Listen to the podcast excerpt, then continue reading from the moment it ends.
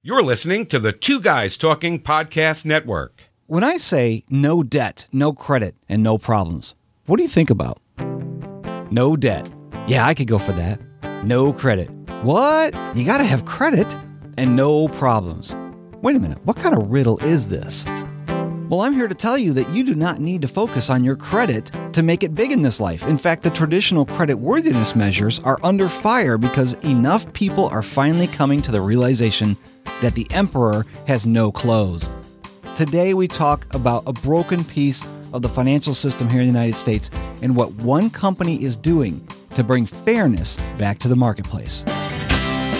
This is the show for the person who wants to have no debt, to build wealth, not a credit score and live a life where the only financial problem is finding time to read all the mutual fund statements that come in the mail. Welcome to the show. I am your host, Steve Stewart, and I'm so excited about today's episode. We are going to talk with the co-founder of SoFi. SoFi is a large lending institution, which normally goes against everything that I teach and preach. I, I teach you to get out of debt, not to borrow money. But there are times when you may need to prove your credit worthiness, and of course, you want to have a clean credit record – or nothing on your record, which means no bad debts. Well, SoFi is a company that's bucking the system. They're going away from the traditional credit scoring model on evaluating your creditworthiness, and I am excited about that movement. So today, having on the show co-founder of SoFi, Mr. Dan Macklin. Dan, welcome to the show. Hey, Steve, how are you? I'm fantastic. I'm so glad that you're here. You're doing something that's very controversial in this space, and – I'm really intrigued because you guys over at SoFi are dropping the FICO score, and that's what we're going to be talking about today. For those of my listeners who don't know what SoFi is, because really this this whole podcast is based around getting out of debt, what is it that SoFi does? Well, SoFi is a leading online lender, and we're focused uh, on financially responsible consumers. And at the moment, we're offering student loan refinancing, personal loans, and mortgages. And uh, and we began the company back in 2011 and and we were the very first company to offer refinancing of federal student loans. That's what we're best known for. We've always taken a very how should i say this? We've always used fico very sparingly in our credit assessment. So it's never been a big driver of who we approve and who we don't approve. But over the 4 years that we've been working in this area we've reduced the significance of fico to the point where in the last couple of weeks we eliminated it entirely. And for my listeners who aren't familiar with what we're talking about with fico Uh, FICO stands for Fair Isaacs Corporation. They have been the industry leader on how to evaluate somebody's creditworthiness, but uh, as Dan will explain in a minute, it's really kind of a flawed system. Dan, why don't you tell us you're you're obviously not from the United States, although SoFi is a is a United States based company, is that correct? Correct. We're a US company. I'm uh, as you detected from the accent not from here. I'm from the UK. Spent 7 or 8 years in Asia before coming to the US to go for, to Stanford Business School about five years ago, a year there and then four and a bit years with SoFi. What is it you found out about the United States uh, system of, of qualifying people for creditworthiness? I came over in 2010, and despite at that stage having about 15 years of credit history behind me in other countries, it kind of counted for nothing. So effectively, I was coming in as a, as a brand new I don't know, 18 year old uh, in the eyes of the credit agencies. That seemed especially strange to me because I'd had a history of paying back my debts and a history of earning money and a history of making investments and buying a home. But none of that really counted for anything. And I, and I think if you look at FICO in general, it's, it's, we do believe it's a flawed and outdated system. It's very backward looking. Everything is backward looking. Nothing there looks forward, looks to the future. And also, there's a lot of people having to play the game really to get a FICO score. You know, maybe you're so credit worthy you don't need debt. In that case, you won't have a FICO score. that do that doesn't mean that you're not credit worthy. In and of itself, it may mean you're more credit worthy. So we just don't think that it's something that that's particularly meaningful and we prefer to look at other things when assessing credit. Amen. So you had 15 years of proving that you're a trustworthy person. You moved to the United States and they're telling you you can't get a simple loan. So That's what I'm railing about here in in, uh, in my show, No Debt, No Credit, No Problems. So how did you convince SoFi, or I, I assume it's not just you, you've got a whole team over there, um, and you're a co-founder. So what is it that made you decide to step away from using FICO's industry standard for evaluating someone's creditworthiness? We never really were a huge believer in, in the FICO score, but we included it because a lot of just because we kind of had to because that's the way it was done. But we're always much more interested in the other things that we look at. And they really are do you make more money than you spend? Which sounds very obvious but very few lenders look at how much you earn and how much you make collectively and then how much that you spend how much your obligations are. That's really the primary thing that we're looking at. And, and we realized that the FICO score wasn't adding anything to that. And as we've back tested and gone back and looked at the loans that we've approved in previous years, we've realized very few loans that have gone bad. The FICO score is not really a good predictor of those loans. There are other things that could have alerted us to that. So we look at your employment history, we look at your monthly cash flow, whether your income beats your expenses. We still do look at your track record of meeting financial obligations. So we want to make sure you have been paying your bills on time, It's just the score itself that's not important to us. How do you go about evaluating that person who doesn't just go through the regular FICO system? You know, we want to see your employment history, we want to see who you've worked for, how many years of work you have, uh, which industry you're in. In terms of your monthly cash flow, we want to know the obligations you've got, the financial obligations you've got, whether it's a mortgage, whether it's car payments, whether it's other things in your life that have to go out each and every month and then we make some we do some work and we make some assumptions about general cost of living in different places around the country uh, and try to come to a conclusion as to whether an applicant is making more money than they're spending. If they are then we believe that they they can qualify for a loan. So am i submitting my bank statements to you? Am i giving you access to my accounts? I mean how do you verify that? No, a lot of that is done um, in, a, in an automated fashion. So it isn't like we go to the nth degree to get exactly what you know you steve have spent this month. But so we're using some averages and we're using some some kind of common sense uh, in order to come up with quick decisions for people. Uh, we realize that not everybody wants to submit document reams of documents, so we make it very simple. But it's been very successful. We only have a handful of defaults. We've now lent over 7 billion dollars to over 100,000 people. The company so far is 500 people strong now, so there's there's lots of people looking at this information. And we've got great feedback since we announced this 2 weeks ago with this new way that you're evaluating people, I know that you weren't solely depending on the FICO score, but will this increase or decrease the number of people that you qualify for a mortgage or student loan refinancing? It's increased it. We looked uh, when we were doing the test back in the fall of last year, and it actually increased the number of people that we could approve by about 10%. So these were people that previously were being rejected because of their FICO score. But when you dig under that and look at all the other factors, everything else measures up. For many of those people, it may be because they're young and they just haven't built up that credit score. There was a recent survey by bankrate.com that said that 63% of those aged 18 to 29 don't have a credit card. So those traditional ways that someone may build up a credit card are not necessarily there for a new generation. And I think that for those people, that doesn't mean that they are not credit worthy it just means they haven't taken a credit card because maybe it's not the most sensible thing in the world to take a credit card as you may say on this show so those types of people if everything else looks good then the, the lack of FICO score or lack of great FICO score is not counting against them so we're able to approve more. Yes, I believe that you don't need a credit card to exist in the United States but people push it because you're supposed to quote unquote have a good FICO score. So I'm very, very happy to hear that SoFi is stepping away from the FICO model and that you're looking more closely at the person, not the three digit number. So uh, thank you guys over at SoFi for stepping away. And I guess you're kind of taking a stand in the industry, aren't you? We are taking a stand. I think too often it's been the kind of dependable crutch that everyone uses or everyone refers to.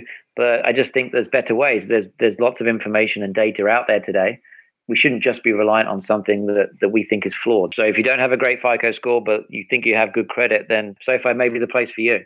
Fantastic. Well, Dan Macklin, co-founder of SoFi, thank you so much for coming on the show. Steve, thank you.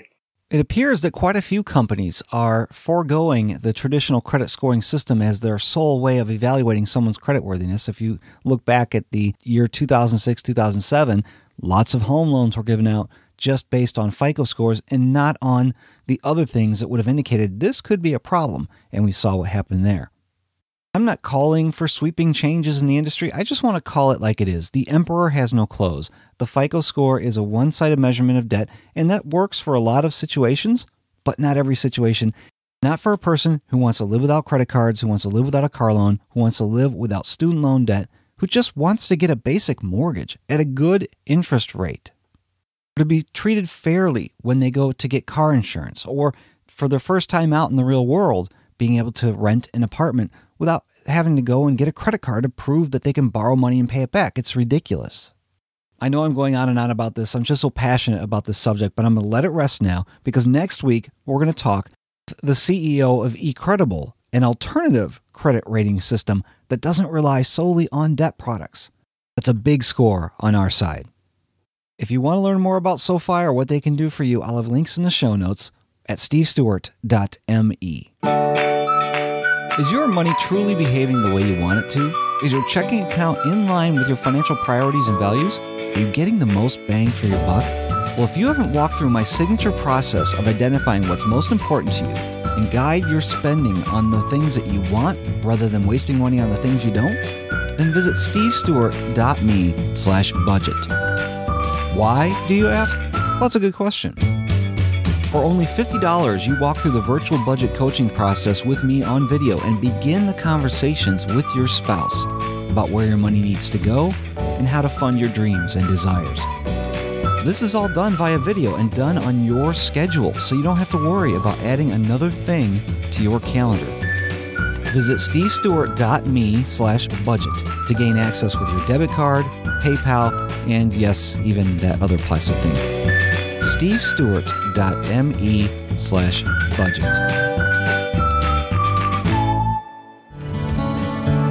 What have you gotten for your pet lately? A new grand blend of dog food?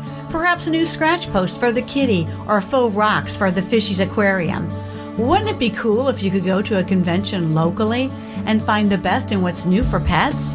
Well, first, you need a listing of those conventions, and you can find the best listing and amazing listing at amazingpetexpos.com. Your home for the best listing online of quality, experienced pet expositions. Whether your pet needs are grand, small, or anywhere in between, you'll find what you need and want at amazingpetexpos.com. That's amazingpetexpos.com.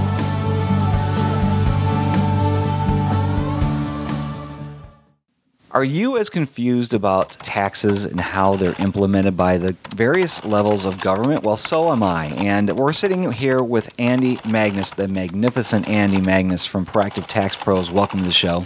Glad to be here, Steve. Thanks for having me back. Yeah, we're going to have you back every single week because there's so many things we could be talking about taxes. And I know it's not exactly the most exciting topic for people to listen to or learn about, but this is an important thing because income taxes, they do affect our lives. So today you wanted to talk to me about and and and teach us about the three branches of government and how they impact tax law. There's three branches of government. Are you talking about Congress, Senate type things? What are we talking about here? Well, the three branches of of the government which the Constitution provides for is the legislative branch, and the legislative branch enacts the laws. There that's Congress and the Senate and they have their whole procedure in there how to do that. We won't go into that. That's high school civics or whatever you took back then, but it's it's pretty much the same. Then we have the executive branch which includes the Internal Revenue Service and the executive branch enforces the law and sometimes interprets the law as to how it's going to be applied And then there's the judicial, where the taxpayer disagrees with the executive branch on how it's interpreted, and the judicial decide who's right. Who has more power then? Who wins? I know there's the right of way law when I'm driving, and so if, you know the car on my left, you know there's the right of way law. Is the same thing apply to the legislative, executive, or judicial branches? Well, the judicial has the final say because you can go up several many ways to appeal a court a decision by the Internal Revenue Service, but ultimately the Supreme Court is the supreme law of the land. Mm -hmm. They are the ultimate interpretations. It's not unusual, Steve, for a court in New York to interpret a set of facts entirely different than a court in California. And so you have a conflict and the people who are living in St. Louis now go, okay, do I follow New York or do I follow California? As long as the Supreme Court hasn't decided, you have good grounds to follow either one, the one that benefits you the best. But this is supposed to be just math. Why is it so confusing? It is supposed to be math, but it's not because the law is not written in numbers, it's written in words. And so words can be subject to interpretation. Let me give you an example. Very simple. Mary had a little lamb most people get the picture of the little girl in the blue and white gingham dress, maybe a white apron, and carrying the shepherdess crook, blonde hair, blonde curly hair, maybe even a bonnet, and Mary had a little lamb.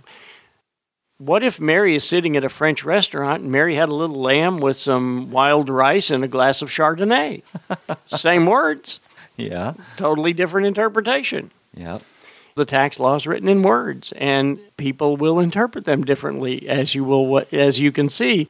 And that's why the IRS doesn't necessarily agree with somebody else's interpretation. The taxpayer doesn't agree with what the IRS says. So we take it on to the court. So how does the legislative branch impact tax law? They actually create the tax law. Are they the ones that let the the little tax bill that slipped in between the pages to go through? They do. Okay. And so it, it, any anything that has to do with taxes comes from the legislative branch. So that's uh do you remember when we were growing up the uh Schoolhouse Rock, they had how a bill gets through. I do. I don't know if my listeners do, but I Yeah, the millennials may not, but that's how tax law gets through. And so, you know, along with just facts, of course, we have lobbyists that believe it or not, they actually have some impact on our tax laws. Mm -hmm. And then what does the executive branch do? Well, the executive branch is that's where the IRS resides. It's part of the executive branch. It works for the president, who is the executive officer of our country. And the IRS then says, okay, this is what we think the law says. So the IRS will then write regulations, they'll write revenue rulings, they'll have revenue procedures. There's any number of different ways that they interpret the law and will publish it so that the taxpayers and the tax professionals can see what the IRS's position is. Because the IRS has taken that position doesn't necessarily mean that we as tax-paying citizens have to follow that if we read the words differently than they do. really? Okay, so Mary had a little lamb. Okay, what about judicial? The judicial when when the executive branch when IRS says one thing and we as our taxpayers say, "No, no, no, no. You got that entirely wrong. This is not what Congress meant." and you've gone through the administrative process with the IRS and you still find that you're at, at odds with one another, then you have ways to go through the court system that the court will then determine who wins.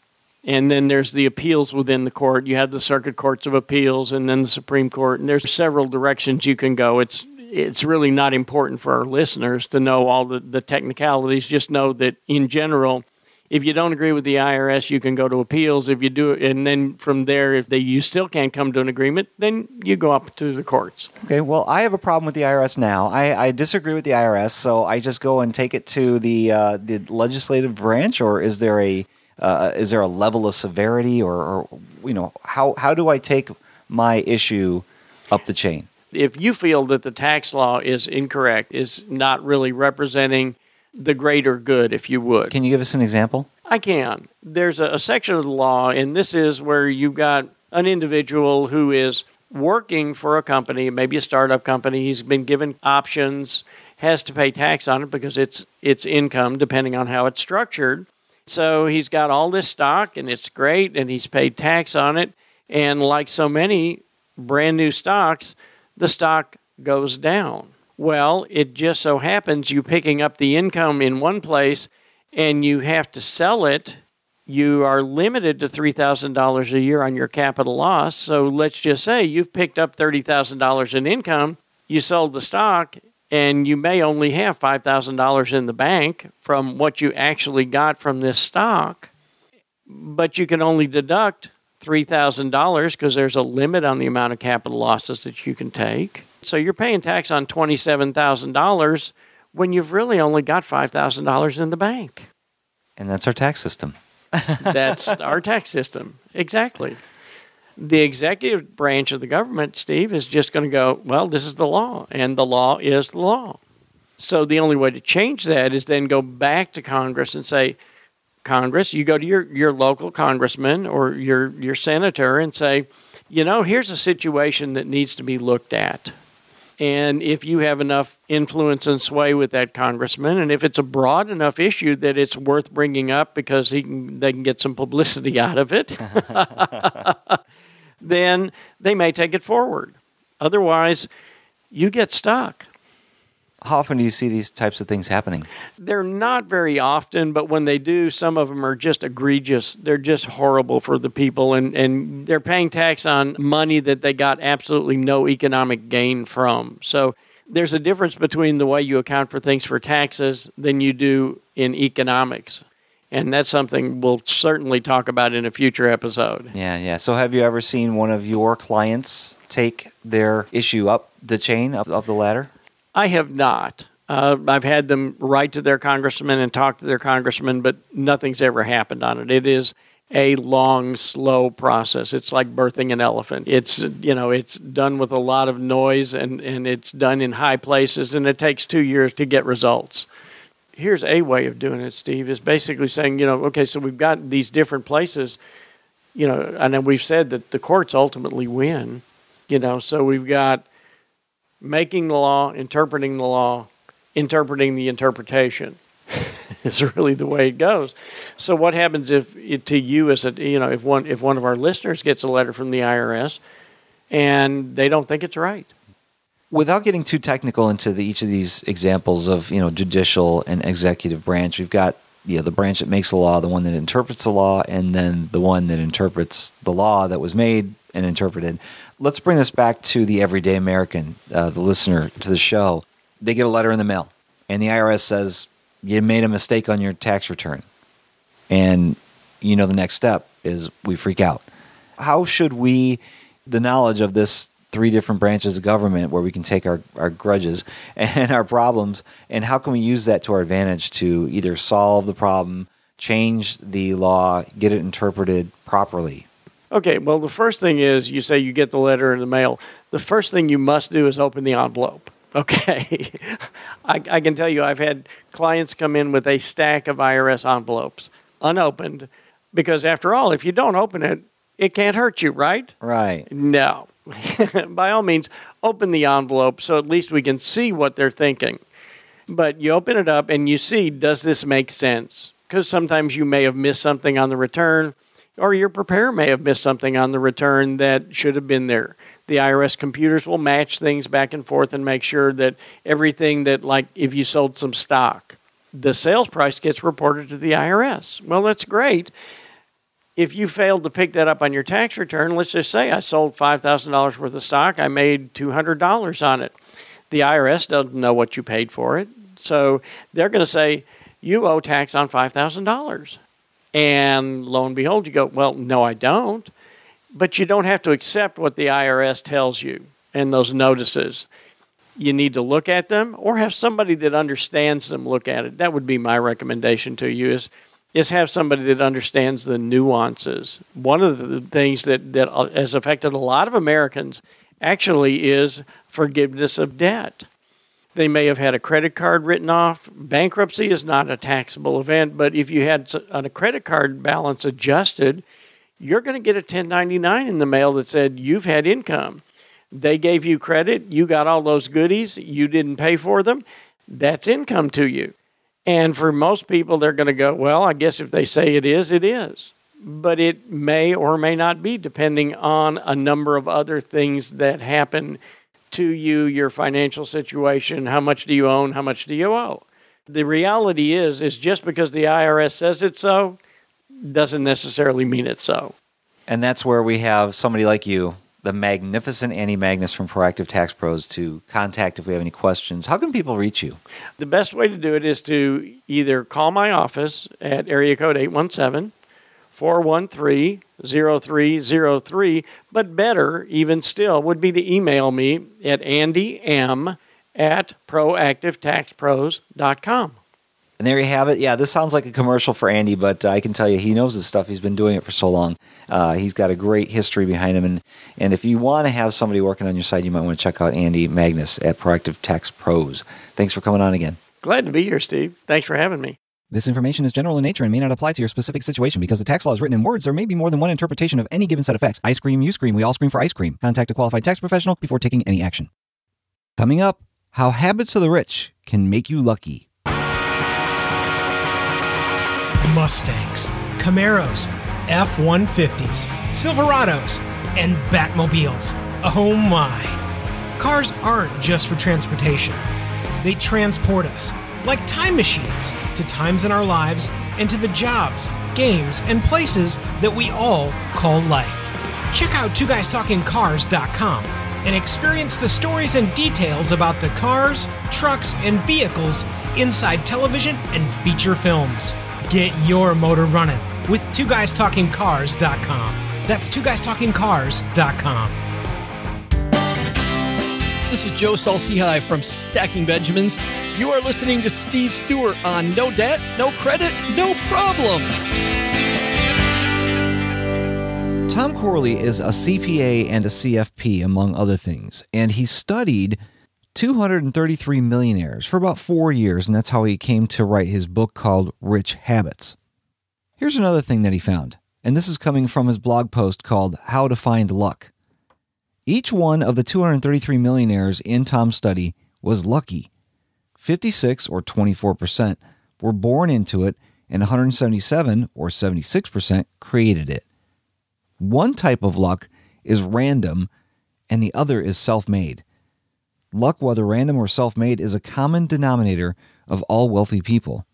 If you want to be rich, you need luck while you have no control over the circumstances you're born into, you do have control over the circumstances you manufacture after birth. Fortunately, the vast majority of millionaires are self-made. They start out either poor or middle class. That's a good thing. Success really boils down to a game of hide and seek.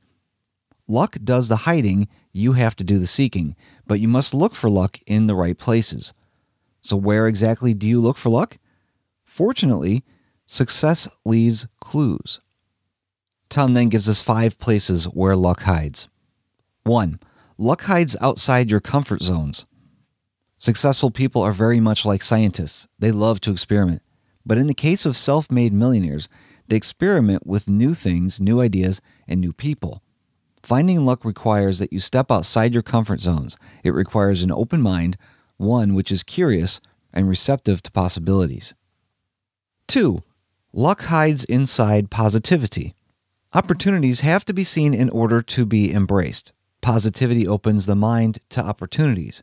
Positivity means having a positive mental outlook. It means being optimistic and seeing possibilities. It means being confident and expecting good things to happen. Positivity is the fertilizer in which luck grows. 3. Luck hides behind courage. Creating luck requires that you take risks. Taking risk requires courage. Courage is not the absence of fear, but the pursuit of something in spite of fear. Overcoming fear is something you must cultivate as a habit. 4. Luck hides inside new relationships. Meeting the right person at the right time requires that you meet people. People do not just drop in your lap and voila, luck happens. You have to go out and find them. You find them by joining network groups, by volunteering at nonprofits, By taking seminars at fundraisers, when you take up tennis or golf, you find them doing new and novel things that you've never done before. And 5. Luck hides inside intuition. Intuition is the means by which the subconscious communicates with the conscious. Your subconscious knows all and sees all. It is constantly taking in sensory data and information that is below the radar of the conscious mind. As a result, it knows things the conscious mind does not. It exists to not only help you survive, but also to thrive. You need to listen to your gut. Those who do find luck. I'll have a link in the show notes to Tom's original post for this in case you want to go back and look at it. But let me just summarize that again. And uh, I'm going to make some comments on that. Number one was saying that luck hides outside your comfort zones. This is something that I struggle with. I don't like change. I know it's necessary and it needs to be done, but I don't like it. So I don't like to get outside of my comfort zone because that means change. So definitely for me, I need to go out and look for luck inside those areas where I'm just not comfortable. Number two is luck hides inside positivity. Personally, that's for me. I, I've always got to be positive there's so many negative people around this world. I it just it just takes the air out of me and I I'm always trying to look at the silver lining. Positivity opens the mind to opportunities as Tom Corley says. Positivity is the fertilizer in which luck grows. Try to keep yourself inside a positive mindset. Try to stay away from the gossip mills and and the things like that cuz that's just a that's just ugh, it just really drags things down. So one thing for sure, number 2, luck hides inside positivity. Number 3, luck hides behind courage that is absolutely important. Uh, courage is something that you just have to face and, and you have to take it and wear it like a suit of armor. Uh, I'm going to let you know in secret, this is kind of something that I've been using to my advantage, using courage that I don't necessarily have. Um, and a lot of it is just drawing upon the knowing that this podcast is important um, I'm actually really kind of nervous when I'm reaching out to people and saying, hey, I'd like to interview you. I've got a little podcast over here. And, you know, Jesse Meekum, I know we've talked before, but would you come back on my show? And, you know, Chris Hogan, rock star, you know, reaching out to these people. It takes courage for me to go out and, and try to find these interviews, but I draw upon you. Uh, I draw upon you to give me that courage because knowing that this informa this information, this interview or whatever it is that I'm presenting to you can be helpful to you uh, that gives me the courage to go out there and do what I love, which is this podcast and providing financial information to the masses. So um, thank you for that. I, I'm definitely using you as my excuse to go out and do these things. And then number four, luck hides inside new relationships. I'm always pushing myself to go out and speak to somebody that I don't know. And uh, again, I'm drawing upon your courage to say, "Hey, this is my mission. I need to go out there and do that." So, uh, but but the new relationships, uh, I can tell you, some of these are really paying off. Um, this relationship with Tom Corley, uh, relationship with Jay Money from Budgets Are Sexy, and Paula Pant from Afford Anything. Uh, if you want to know more about that story, just go listen to uh, episode 13 of the Money podcast, which is going to come out here in uh, mid to end of February 2016 and uh, you'll learn a little bit more about that. But anyway, luck hides inside new relationships. I know that to be true for sure. And then number 5, luck hides inside intuition. That one's kind of hard for me to swallow that I have to follow my gut. I do know that my gut tells me things maybe to look out for, but to just bl you know, blindly act on my intuition is in my mind to me, for me for sure is is dangerous just because maybe there's a bit of information I'm not using that I need to know before I actually act on it because I've made some really stupid decisions just because I thought, well, my my gut's telling me to do this. Uh and then I forget that there was this other thing that I should have known or I should have been looking out for, which oh, that's why my gut was telling me to do this, but I forgot to do that and it just messed up. So, uh I'll I'll come up with an example later. I just know that it's it's something that's happened to me in the past. So there you have it. Tom Corley says to be successful, you need to find luck and he gives you some ideas on where to look.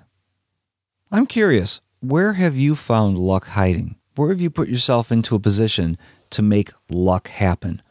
Leave me a comment in the show notes. I'd love to hear about it. Steve at stevestewart.me is my email, or go to the show notes, stevestewart.me slash 09. Congratulations goes out to Kevin H. from Texas. He won Chris Hogan's book, Retire Inspired. It's in the mail. It's on the way. For those of you who entered that did not win, I, I'm sorry, but I'm going to do a giveaway for Tom Corley's new book, Change Your Habits, Change Your Life. You've got to visit the website to find out how to enter. Go to stevestewart.me slash 09. You'll find all the show notes from today's episode with links to SoFi, links to Andy Magnus, and of course links to Tom Corley and his rich habits. Next week, we're going to have a conversation with eCredible about making it easier for lenders to approve mortgages for those without credit scores. Of course, Andy Magnus will be back for our Taxes with Andy segment.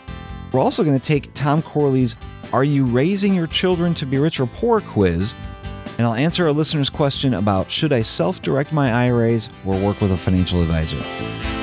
If you have questions that you'd like to have me address on the show, there's a couple ways you can do it. Of course, you can send me an email or go ahead and record it on your phone. Go ahead and record the question, email it to me, I'll play it, and I'll answer it in the show. God bless you, have a great week, and make sure that you're paying attention and not interest.